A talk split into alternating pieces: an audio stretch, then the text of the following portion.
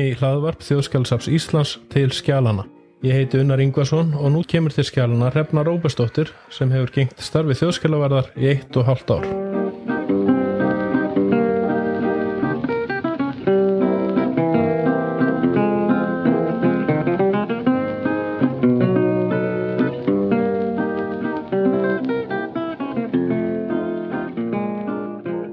Velkomin Hrefna. Já, takk. Svo við byrjum nú bara á klassískri og margreindir spurningu. Hver er Hrefna Róbestóttir? Já, ég er, ég fætt á Selfossi og var Ó. fyrsta árið mitt í hveragerði og eftir það þá flutti fjölskyldan til Skotland þannig að ég hóf mína skólagöngu þar en hef nú búið að mestu leiti á, í Reykjavík síðan það var. Hvað síðan fórst að menta þig? Já, ég fór að læra sakfræði og var við Háskóla Íslands í BA og MA námi en uh, fór síðan til Lundar í Síþjóð í, í doktorsnám og sérhæði mig þar í átjöndaldarsögu. Átjóndaldar fræðingur. En þú fórst síðan að starfa á söpnum eftir og líkur námið þar eða hvað? Nei, ég var nú búin að starfa áður. Ég byrjaði að vinna á söpnum bara meðfram háskólanámi. Þannig að ég verið, var tíu ár að vinna árbæðisefni, ími störf þar og síðan á þjóðminnasefninu í fimm ár og svo er þetta að verða 13-14 ár hér á þjóðskjálasefni þannig að ég held mig í kringum söfnin svona. Já, vartu bara að vera með allra reyndustu mannskjum í safna geranum mæntalega. En þú náttúrulega lögst doktorsnámi í sakfræði og ert um, átjóndaldar fræðingur. Hva, um hvað fjallaði rannsóknin til doktors? Uh, rannsóknin mín fjallaði um uh, ullarvinnslu á Íslandi og ekki bara ullarvinnslu heldur rauninni svona hugafarsögu þannig að ég var svona var að tengja saman svona hugmyndir um breytingar á samfélaginu um uh, atvinnuvegi og hvernig menn ætlaði að nota svona ullarversmiður og ræktun á söðfí og annað til þess að efla landshætti hér á landi. Og inn í þetta þá blandaðist mjög mikil svona hugafarsaga hvað fannst mann um samfélagi, hvernig var það byggt upp, hvað gerði mann á Íslandi, hvað gerði mann í Danmarku og svo framvegis. Þetta verkefni kom í framhald af rannsóknum sem ég hafa áður sint á innrættingunum í Reykjavík og, og víðar á landinu sem að voru svona allsherrar hugmyndir um breytingar þannig að kannski held ég mér svolítið við breytingar Breytingar. Þú er kent náttúrulega við háskóla líka með, ekki satt? Jú, ég hef kent í í rúmlega 20 ár hefur ég verið stundakennari við Háskóla Íslands í sakræðadeildinni og kent 18. aldar námskeið og, og grunnnámskeið í Íslandsögu líka og einnig í miðlun sakræði Þannig að það hefur verið nóg að gera og svo hefur verið fórsetur sögufélags einhver tíma. Já, ég er búin að vera fórsetið sögufélag síðan hösti 2015 og þar saminast kannski svona áhugi minn á bæði útgáfu, fræðastarfi og að kannski koma sögunni til almennings með svona aðgengilegum hætti. Það er hægt að skrifa fræðiritt sem engin les en það er líka hægt að skrifa fræðiritt eða stöðla útgáfa þeim sem að kannski ná víðar og svona kannski skipta máli í svona vitund þjóðarinnar um söguna. Já, kannski gleymir fólk því sem hefur lært sakfræða að hlutverkar er náttúrulega miðla sögunni, ekki bara að læra hana. Já, já, algjörlega. Og sumuleiti þá tengir þetta líka inn á störfum mín á söfnum því að til hvers er verið að varveita ef það er ekki notað og nýtt? Og svona, hvað máli skiptir þetta? Við tökum þann, þann bolta bara pínulítið, sko, hvernig stofnun er þá þjóðskjálasafnið og er mikill munur og því og öðrum söfnum, nú er þetta samheiti safn í íslensku, er mikill munur á þjóðskjálasafni og þjóðminjasafni. Já, mér finnst tölverður munur á sagt, minjasafna umhverfinu og skjálasafna og ég tala þá svo sem út frá reynslu minni við að vinna við árbæðisafn og, og þjóðminjasafn að minjasafn hafa miklu stærri sess í hugum fólks. Fólk almenningur þekkir betur minjasafnin. Þau eru með meira áherslu á síningastarf og eru kannski mjög svona þverfaglega stofnanir. Skjálasafn hafa vissulega svipaða snertifleiti að hluta til að þau eru sérhæðari og sinna kannski hlutverkum sem að almenningur kannski gerir sér ekki alveg grein fyrir það þau sinni hafa svona tvíþætt hlutverk bæði svona að sinna almenningi og þá kannski mest með aðgangi að gögnum frekar en að það sé verið að miðla sérstaklega fyrir þeim. Það er ekki stóri síningasalir á skjálasöfnum þó að að það sé mjög æskilegt að hafi síningar aðstöðu því að það er svona leiðin til að svona kynna sápkostin en skjálasöfn hafa mjög viðtækt hlutverk stjórnsýslulega líka. Þannig að þjóðskjálasafnið er bæði sapn sem að sapnar þá hlutum og miðlar þeim að hluta til minnskosti og síðan hefur það líka eftirlislutverk og setur reglur um skjálaverslu og þess aftur sem kannski hinn söfnin hafa ekki. Já, þetta er rauninni stjórnstíslu hlutin og, og þar snýst það um samtíman að skjöl og gögg sem vera til í samtímanum og, og allar stjórnstíslu ákvarðan sem eru teknar starf sem eru áðinetta, embætta skóla, sjúkarahúsa, lauruglu, dómstóla allra þessara stofnana ríkinsins sem er að að sinna mikilvægum hlutverkum. Þjóðskilasafni ber að varvita þeirra gögn og leiðbeina þeim um frágangverða í samtímanum. Og hvers vegna ber þjóðskilasafni að varvita þessu gögn? Því þetta er rauninni minni samfélagsins. Þjóðskilasafni hefur lögbundu hlutverk að, að tryggja varvislu á þessum líkil gögnum samfélagsins og þannig að það er í rauninni uh, lög og opur skjálasafn. Þau segja fyrir um hvaða gögnum eða frá hvaða stofnunum þjóðskjálfsafni ber að varveita upplýsingar og þar að leiðandi er kannski söfnun að stefna öðruvísu hugtak innan skjálasafna heldur en innan mm. minjasafna það sem er kannski verið að huga breytinni í tímabilum, atvinnuvögum, þjóðháttum eða slíku en skjálasafnun hafa mjög skýrt lögbundir hlutverk um gjörðir ofinbæra aðila og þeirra sem að vinna rekstra verkefni fyrir operaðila. Mm -hmm. Þannig að ástæðan fyrir því að þessum gögnum er sapnað í þessum magni frá þessum stofnunum er vantilega þannig að fólk geti fengið upplýsingar um einhverja, einhvað sem hefur gæst í þeirra lífi eða hvaðina og það sé trygging fyrir því að það sé varvett og hægt að nálgast þau gögn. Já. Þannig að það eru ekki að tala um endilega sögu þjóðarinnar heldur kannski bara réttindi einstaklings. Já, réttindi einstaklingsins og rauninni réttindi landsins því að stjórnarskráinn er varveitt hér og öll önnur gögg svona sem að tryggja segja, tilvist Ísland sem sjálfstæðsríkis það er ekki tilviljun ef maður lítur út í heim að þegar eru vopnuð átöka þá eru ofta reynd að sprengja þjóðskilasöfn og það er raunin til þess að að eigða út réttindum fólks. Á mjög stríshrjáðum löndum og þá hefur fólk ekki aðganga vegabriðu meðan einu því að það er búið að útrýma gögnum sem að sanna tilvistars og réttindi.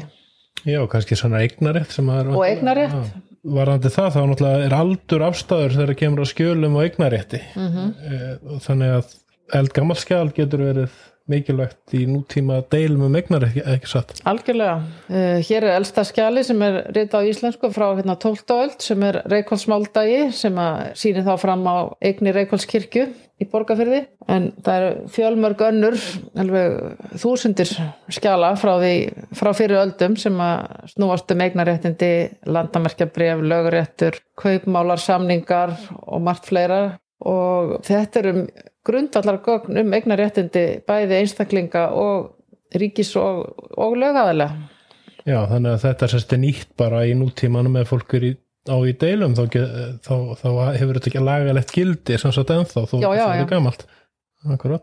Sko, hún nefndir á þann að í stríðsráðum löndum þá var þjóðskjálfsafni skotmark sem er doldið í býstu að sé svolítið sérkennlegt fyrir fólk að, að, að svona ímynda sér umverulega en hefur hlutverk skjálasafna, þjóðskjálasafna og skjálasafna almennt kannski breyst, er það, er það jafn mikilvæga stopnarnir í dag og er voru fyrir 50 árum eitthvað slíkt, er, það, er hlutverkið að breytast? E, já, það hefur, hefur breyst, það mæla að segja að í margar aldir þá hefur verið að þróast þessi skilda að, að konungur eða yfirvöld leggja skildur og heldur ennbætsmönnum sínum að halda saman gögnum sínum. Þetta getur maður rækið allt aftur til dæmis á lénstíman hér á Íslandi 16. öld. Eh, Þjóðskjálasapn sem að fyrst að kalla landskjálasapn það árætur sína rekja til ásins 1882 þegar að yfirvöld gerðu nokkur með ennbættum það að passa upp á gögnin sín og komaði fyrir á örugum stað og þá er þau rauninni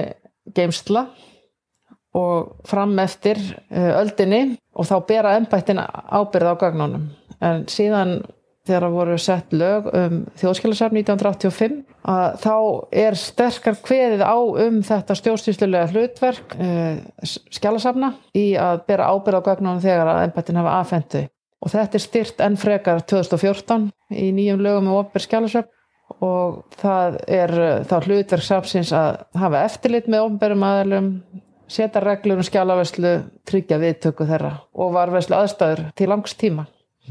Talandi um þessi gögg sem eru þá varfitt hérna í dag er, er þetta opið öllum þessi gögg sem, að, sem að hér eru varfitt getur hver sem er komið inn og beðið um? Já, við erum með lestrasal þar sem er opið öllum og þetta er eitt af svona grundvallar þáttum í réttaríkinu að almenningur hafi aðgangað gögnum þar sem eru þá ekki aðrar hindranir vegna persónuvendar eða eitthvað slíkt. Lagalegar hindranir, Lagalegar hindranir. viðkvæmum gögnum. örgir ríkisins eða virkir viðskipta hagsmunir og slíkt. En, og þetta er rauninni svona eitt af baráttumálunum sko frá frönsku byltingun átjöndaöld að almenningur hefði aðgang að gögnum. Og bæði hægt að senda fyrirspurnir á þjóðskjálasafn afla upplýsingum sjálfa sig eða koma til að rannsaka eða vera á lestarsalnum og svo framvegis En, ég má samt ekki koma og beða um sjúkraskistunum nágranna minn eða eitthvað slíkt, það eru takmarkanir í lögum er það eru takmarkanir í lögum á því og, og lögum persónuvend lögum óper stjórnsýslu, upplýsingalög og lögum óper skjálasöfn þau setja ramman um, um þessi gögn og Þannig að þarna kannski munu líka á, á skjálasafni og, og þjóðminnarsafni eða, eða landsbókasafni að við þurfum að fara eftir lögum þegar við afhendum gögn til lesturs eða- algjörlega, algjörlega og hér eru náttúrulega öll gögn sem að tengjast dómsmálum og slíku þannig að það er alveg klást að svo er en hins vegar eru hér líka engaskjálasöfn það er stæðsta safn engaskjála á landinu er hér og það er mjög mikið Engaskjálasafni eru, eru hvað? Já, það er reyni gögn sem er ekki frá opberum aðlum. Þetta getur verið frá atvinnulífinu, þetta getur verið frá einstaklingum, félagsamtökum, hvernfélögum, sambandinu, villaversmiðnar og akureyri og svo framvegis. Já, fyrirtæki, Fyrirtæki, félagsamtök já. já. Og ef maður hugsa um söguna, þá eru engaskjálasöfnin líka mjög mikilvæg. Þetta er ekki bara gjörðir ofinbæra aðila sem að skapa fortíð okkar eða eru upplýsingar um fortíðina, heldur líka það sem að snýra atvinnulífi og, og félagslífi einstaklinga. Það má kannski segja að núna á 21. öldinni þá er uh, kannski vegur eða mikilvægi engaskjála jafnvel meira heldur en áður því að það er búið að engavæða svo mikið af starfsemi sem áður var kannski ríkisreikin eða í, í höndum ofinbæra aðila og þar að lendi varvittist kannski betur En þeim ber ekki skilda til að afhenda það samt ef þetta eru engaðilar Nei, það er engin skilda og þar kannski kemur þá inn svona snertiflötu við önnu söfna, það er þá svona söfnuna stefna, hvernig tryggjum við sem stæðsta skjálasöfn þjóðarinnar og verslustæður sögunar, hvernig tryggjum við þess að það varveitist upplýsingar um allar atvinnugreinar eða allar staðalandinu og svo framvegis. Akkurat, og svo er náttúrulega þjóðskjálsafni er, er, er á höfuð safni þessum gera og síðan er hér skjálsafni og ennur sem að að taka líka við Já. Já, það eru 20 hér að skjálasöfn á landinu, víða um land og þau gegna samskonar hlutverk eins og þjóðskjálasöfn nema á sveitistöfnastíginu á sínu starfsvæði. Já, meðan þjóðskjálsafnið tekur við skjölum semst frá ríkinu þá taka þau frá sveitafélagum ekki satt það. Er greinilega mjög margvíslegt hlutur sem þjóðskjálsafnið hefur. Uh, Hvað vinna margir á þjóðskjálsafninu? við erum 35 núna. Þannig að það er Það eru, eru margi með marga hatta.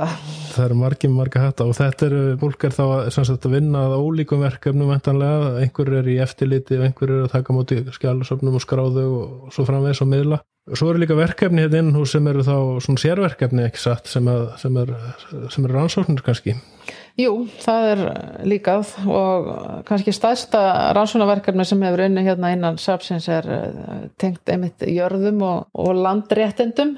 Það er vinna sem er unnin sem sagt í tengslu úrskurði óbeðanemdar um mörg eignarlanda og þjóðlendna og þjóðskjálasafn vinnur upp úr þeim landagögnum og jarðagögnum sem hér eru skýrslur sem að varpa ljósi á hvaða réttindi eru á mismunandi svæðum og, það er þá vinna sem er unnin bæði fyrir lögmenn landeigenda og fyrir óbeðanemnd. þannig að þarna eru sérfræðingar sapsins að, að lesa sig í gegnum sapkostin þannig kannski eitt sem er áhugavert vantarlega er þetta gömul skjölu allavega og fólk getur ekki lesið þetta í dag ekki endilega. Nei, og það er tölvert af gögnum sem eru fyrir 1900 og það þarf eiginlega sérstakka þjálfunni að lesa slík gögn. Og fyrir 1800 er þetta skrifað með fljótaskrift svo kallari sem er svona gottnesk handskrift með annari stafagerð heldur en var síðar. En þetta, þetta lærist og með þessari skrift eru megnið af gögnum Íslandsögunar frá því kannski um 1500 og fram til 1900 Já, þannig að þetta, menn þurfa að hafa talsverða kunnáttu til að geta raunverulega gert þetta. Já. sérþekkingu. Já. og svo er verið að gefa út bækur.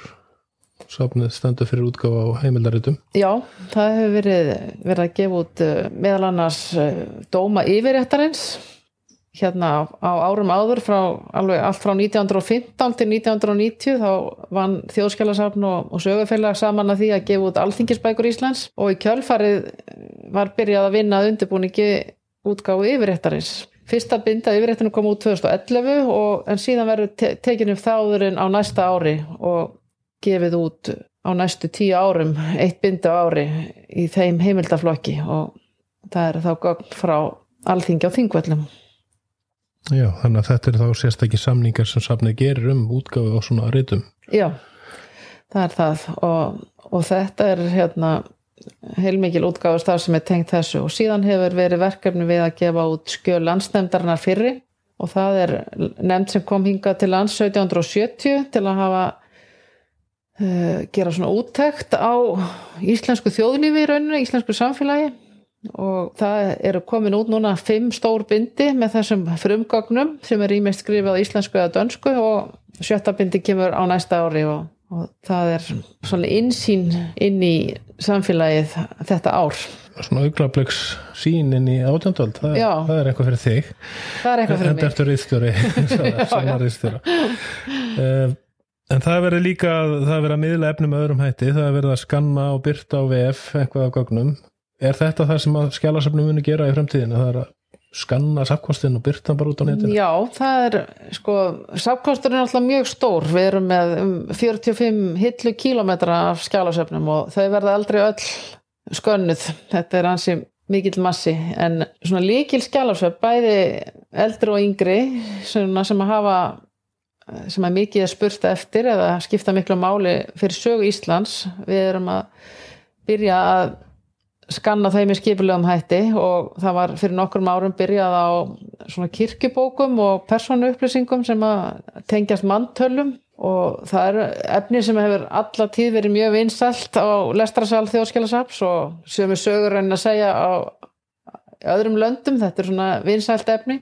en við erum núna eiginlega að stíga starri skref eða erum að undirbúa það sem að kannski hófst 1. desember 2018 á hérna, fullveldis ammælinu að þá byrtu við gögg sem að tengdust fullveldinu 1. desember 1918 og síðan er hugmyndin að taka fleiri gagnaflokka og eins og í ár þá var byrt efni frá setni heimstyröldinni, efni sem var verið að opna en þetta er svona sístækkandi og sí meira mikilvægur hluti myndi ég segja og við höfum áhuga á því að stór efla þetta. Snýst þetta um að, að varveita hlutin að miðla þeim eða skjöl sem eru mikið notið, eru þau liggjaðu þar með undir skemmtum, þetta er bara eina eintæki sem við til í heiminum, er það ekki? Jú, jú, það er eðli, það er eðli skjálasafsgagna, sérstaklega papírskagna, þetta er eina eintækið. Og það er einu öll þessi sjónamið sem að baki. Það má segja kirkjubækur og manntalsgögn, þetta er svona mikil eftirspurn og það hefur svo sem líka þá mætt á þeim gögnum en, en það er líka svona mikilvæg þjónista sem við sjáum í kringum þetta fyrir sögu áhuga, áhuga fólk fyrir skólakerfið og svona bara fólk geti svona, það er meira og meiri krafa með fólk geti verið heima hjá sér að skoða og haft aðgang hvar sem er á landinu. Já, kannski hefur ekki tök á því að koma á skrifstofutíma í marga klukkutíma en getur nota kvöldin. Já, algjörlega, algjörlega og, síðan hægt að blanda þessu saman. Ég myndi líka segja að lestrasalun er mjög mikilvægur vettvangur í aðgengi því að þó að það sé kannski verði margt skannað þá er aldrei hægt að sjá fyrir allar þarfir og, það er líka svolítið öðruvísi að skoða frumgagnin eða skoða þetta á netinu. Þetta er svona, þetta þjóna sig hverjum hlutverkinu. Talandi læstarsalu, nú, nú er verið að endurbæta hann, Já, sett. Hann er hérna við lögaveg 162 og hérna var komin aðeins til ára sinna og við erum að, búin að vera síðan í vor að, að endur bæta hann, bæta aðstöðu, hljóðvistina, öryggi á lestarsalnum og aðbúnað allan. Þannig að við vonumst þess að opna hann innan skams. Þú nefndir áðan að það voru, það eru 45 hillu kilometrar sem eru varvettir hérna og mér skilst að þessu að pappir þar að segja og mér skilst að svo tala ég eftir að ja, þreifaldast eða eitthvað slíkt næstu árum. Þetta er náttúrulega gríðarlega plásrætt, ég bara spyr er nöðslega að geima þetta alls saman? já það er vona að spurt sér. Um, það er náttúrulega valið inn og það er kannski svona líkilatriðið í samskiptunum við opnbera aðila í samtímanum að það sé ekki vera að varveita allt, ekki að bara tæma skrifstofunar og eins og kannski var gert að hluta til hér fyrir nokkrum áratögum þannig að það sé mjög mikilvægt að þessir ofnbæra aðeila þeir setja sér skjálavistunar áallun og þessi teknar samhliða ákvarðanur um hvað á varveita og hvað ekki. Og það er náttúrulega mjög mikil pappirsframlegsla verið á síðustu áratögum og það er enga veginn þarf á að varveita allt það sem orðið hefur til en hins vegar því mikilvægur að velja vel og það sem að snýr að bæði þá réttundum fólks og stofnanna og þeirra verkefna sem þeir hafa unnið og síðan að huga líka að sögunni. Og síðan þarf vantilega þjóðskjálfsarna að tryggja varanlega varveislu þessari gagna og þá það maður að velta bara fyrir sig gæði pappis og bleks og eitthvað, eðist þetta ekki? E, jú, það má ég lega segja að þetta hafi farið sívestnandi eldri gögn svona fyrir 1900 þau eru með mun betri bæði blek og pappir heldur en 20. stöldin og uh, hluta til þarf að skanna skjálasöf frá 20. stöld frekar vegna varveislu blek og kalkipappir og annað er að eyðast af blöðunum en hægt er að setja eldri skjöl í vaspað og þau verða bara að koma betri upp Það er allt betri gamla daga, er það ekki? en hvað er, en, en, en mun tölvuteknin ekki leysa þannig að vanda, bæði með þá skönnun og síðan vantarlega rafran skjálavarsla er það sem menn er að stefna í dag og, jú, jú. og, og þá þarf að tryggja varuslu á þeim gögnum vantarlega líka. Já, já, það er árið 2010 þá voru gerða breytingar á lögum um skjálasöfn, gera skjálasöfnunum kleift að taka við rafrænu gögnum. Það mæla að segja að það hefði gengið hægar heldur en við vonuðumst til að, að fá inn afhend rafræn skjálasöfn og þessu í þeim búningi að það hendi til langtíma vörslu. Þannig að þetta er eiginlega eitt stærsta verkefni samtímas í skjálavörslu er að tryggja að svona samræmt vinnubröð og að uh, stopnarnir og ríki seti sér rauninni þá stefnu að fara svolítið hratt inn í rafræna skjálavörslu. En það er ekki hægt að taka hvað bara vördskjál og axelskjál og koma því að þjóðskjálasafni það þarf að gera eitthvað. Nei, eins og allir þekkja sem að eiga með sína tölver heima það, það, svo, það líða ekki mörg ár þar til þú getur ekki opnað jólakortalistan frá því fyrir 15 árum og annað, annað sem þau skrifaði í tölvinni það er forritinu orðin úrelt þannig að líkilatrið í langtíma vörslu rafræðna skjala er að þau séu varfitt á kervis óháðu formi þannig að þetta komast út úr þessum forritum sem þau verða til í á mismöndu stöðum gagnagrunnar og annað og að þau séu á kervis óháðu formi og lesanleg með þeim hætti. Og það þarf að vinna alveg stór átak í þessu. Ég myndi segja að það væri svona líku nú aðeins í loftinu að þetta svona fari að að ríki sé að leggja meira áherslu á, á þessa rafrænu mál meðal annars í tengstu það sem er verið að vinna í sambandi stafrænt Ísland núna um þessa myndir og þá er mjög mikilvægt að það sé hugað að bakendanum í leiðinni að það sé tryggt að það sé hægt að varveita þessi gögn sem að tilverða í stjórnsýslunni með rafrænum hætti. Og þetta snýst á lítur að vera um það að gögni séu líka sagt, um, örug skulum við segja, við erum vönnið kannski að einhver á pappir og svo skrifa undir það mm -hmm. og svoleiðis En það mun breytast, það er ekkert engin vaf á því vantarlega. Það er engin vaf á því og ráðrannu undirskriftir og hvernig þeim er komið fyrir og þjóðskjálasöfni vinnur náðu með erlendum skjálasöfnum í þessu því þetta er náttúrulega svona þáttur sem öll skjálasöfni er að berjast við, hvernig tryggjum við þessa langtíma vörslu og að þú nefndi nú húsnæðismál hann áðan að auðvitað taka rafræn gögn minna rými en það kostar samt að varveita þau. Hmm en uh, ég myndi segja að við erum svona svolítið komin á þann stað núna að, að uh, kannski þessi eldri skjálasöp sem eru ekki ennbúið að skila hinga það þarf að fara mjög nákvæmlega í gegn hvað á að grísja og hvað kemur. Og síðan að ekki setna en strax að higgja að góðu skipulagi á rafrænum samtíma. Hvað er nú sko, við erum bara tæft á starfseminni það er náttúrulega að tala um þetta í allan dag en hvað er svona framtíða síni, hvert, hvert stefni þjóðskjálasafni, hvert vilt þú fara með þjóðskjálasafni? Já, ég vil uh, að þjóðskjálasafnið verði sínilegri stopnun í þjóðfélaginu. Ég held að það sé mjög mikilvægt fyrir uh, árangur í skjálavöslu og sem sagt að við getum uh, höfum betra tækifæri til að sinna þessu fjölbreytta hlutverki því að við erum með mjög marga mismunandi viðskiptavinni eða notendur. Það eru það er bæði almenningur og skólar rannsóknarsamfélagið opinbyrjar aðilar sem er að vinna í sínum málum og sveitafjölög og fleira. Þannig að réttakerfið stjórnsíslan þannig að til þess að við náum þessu markmiði að styrkja skjálavæsli landinu þá þurfum við að fara fram skýrar og meira framsækinhátt, auka miðlun taka svona bæði samfélagslega og menningarlega ábyrð á þessu gagnamagni, þessu minni Íslands sem við sittum á hérna á stofnunni þannig að störfin eru mjög fjölbreytt hérna innan sapsins það er kannski ekki allir sem átt að segja á því hversu markþætt starfseminn er.